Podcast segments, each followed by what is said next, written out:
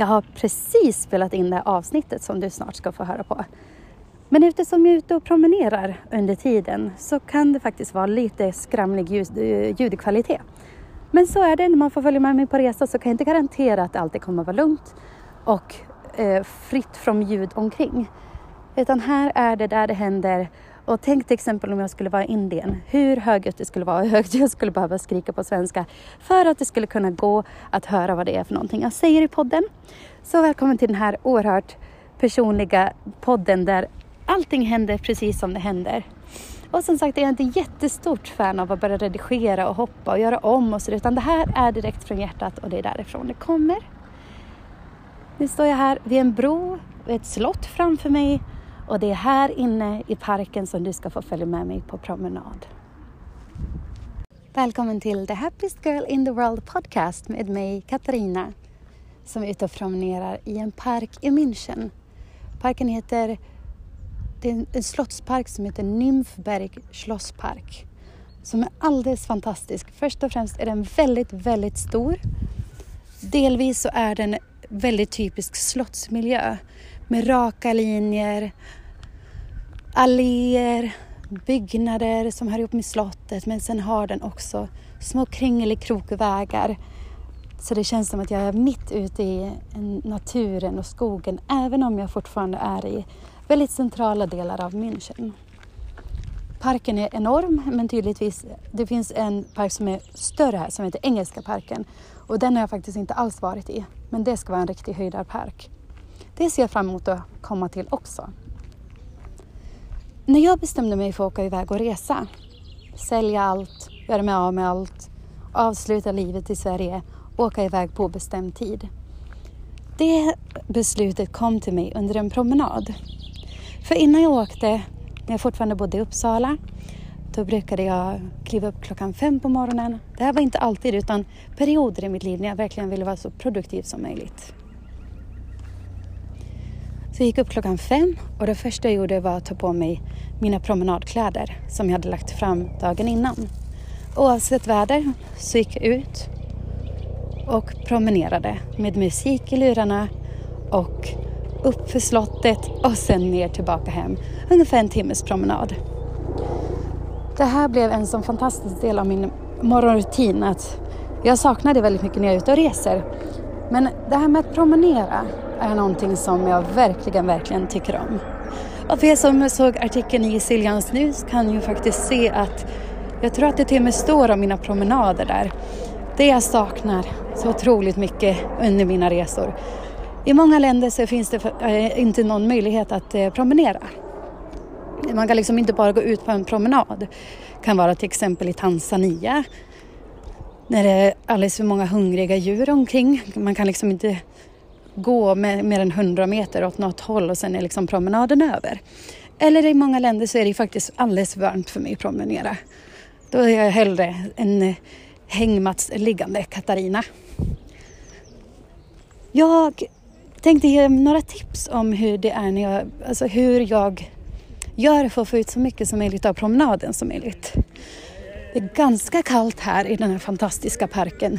Solen skiner emellanåt. Det är ganska många ute men jag känner att jag är nog den som har på mig minst kläder. Även om jag är väl påpälsad.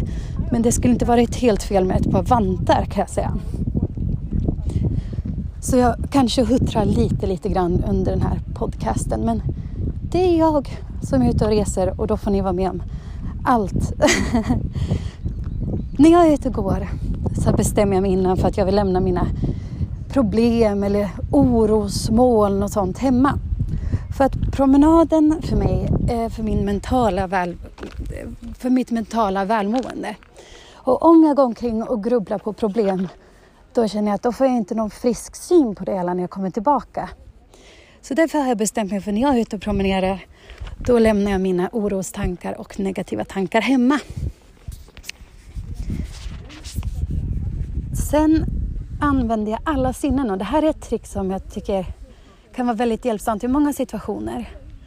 Till exempel om man börjar bli orolig av någon, ingen anledning eller om, om till och med ångest har hört det här ska fungera mot och det är att använda alla sina sinnen.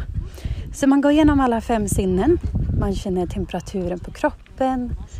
Blåser det, flyger håret lite grann. Man kan till och med känna andningen i näsan.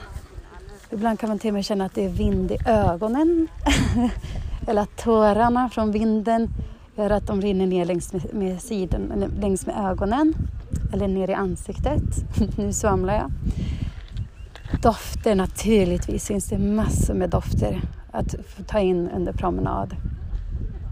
Och att se enormt mycket. Det finns så mycket vackert att se bara i naturen. Och sen att lyssna på fåglar, på vinden, på andra människor. Men det här med att smaka är inte helt lätt. Man kanske har med sig något vatten eller någon dryck eller kanske något snacks. Men annars så kan det bara vara att ta ett djupt andetag genom munnen. Då får man också använda det sinnet. Så gör jag när jag vill, använda, när jag vill verkligen vara i nuet och uppleva vad som finns här och nu. Sen har vi ofta i vår hjärna tankelopar som går om och om och om igen. Och de här brukar snurra, speciellt tycker jag blir det klart när jag är ute på promenad. Och därför så försöker jag se om de här tankeloparna går att bryta genom att ersätta tankeloparna med andra tankar. Så jag bryter dem helt enkelt.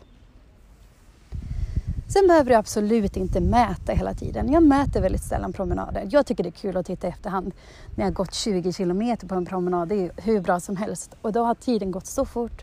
Jag har varit så närvarande, lyssnat på musik eller på fåglarna. Och, eh, men jag tycker inte man ska behöva mäta. Det ska liksom inte vara att man bestämmer sig innan för den här promenaden ska gå si och så. Utan bara gå ut för din... Det är som jag sa främst för mitt mentala välmående som jag går på mina promenader. Gärna själv för den delen också. Men naturligtvis är det jättebra att vara ute och promenera med någon vän som man kan konversera, konversera väl med. Men det här med att mäta, du kan gå hur fort och hur långsamt du vill. Att försöka vara närvarande, det är det som är viktigt. Stanna när du vill, sitt när du vill. Nu sitter jag på en parkbänk och spelar in här. Jag har gått, jag stannar och det är verkligen skönt att bara stanna upp och titta. Det kan vara någonting nytt. Det kan vara en intressant fågel som gör någonting. Eller så kan det vara bara att få ta det lugnt. Jag tar alltid med mig en anteckningsbok. För jag brukar komma på de bästa idéerna när jag är ute och promenerar. Och om det är något bekymmer som kommer upp så då kan jag faktiskt skriva ner det med en gång istället för att bära med mig det som ett minne under hela promenaden. Njut av vackra blommor, se hur gräset är grönt, känn underlaget under fötterna. Och se till så att du verkligen gör det här för din egen skull och för ditt eget välmående. Vissa promenader är ju för att ta sig från A till B. Och det kan vara väldigt hektiskt och sådär när man ska kanske bara gå på lunch från jobbet. Men de här promenaderna kan också vara väldigt bra att försöka slänga, stänga av allt det som gör att huvudet snurrar på och komma tillbaka till en promenadhjärna som jag skulle vilja säga. Där kommer du nämligen att kunna hitta mycket mer energi och komma tillbaka med nya goda idéer. Och om du fastnar i, i någon slags eh, kreativ, eh, kreativt arbete eller om du bara är så trött på det de gör eller inte kan lösa ett problem, då är det så att promenader verkligen kan släppa de här problemen och då kan du komma tillbaka. Men det gäller att du släpper det problemet under tiden. Så du behöver ett avbrott under promenaden och sen när du kommer tillbaka då känns det på ett annat sätt igen. Om det inte funkar då heller, då kan du ta en promenad åt ett annat håll.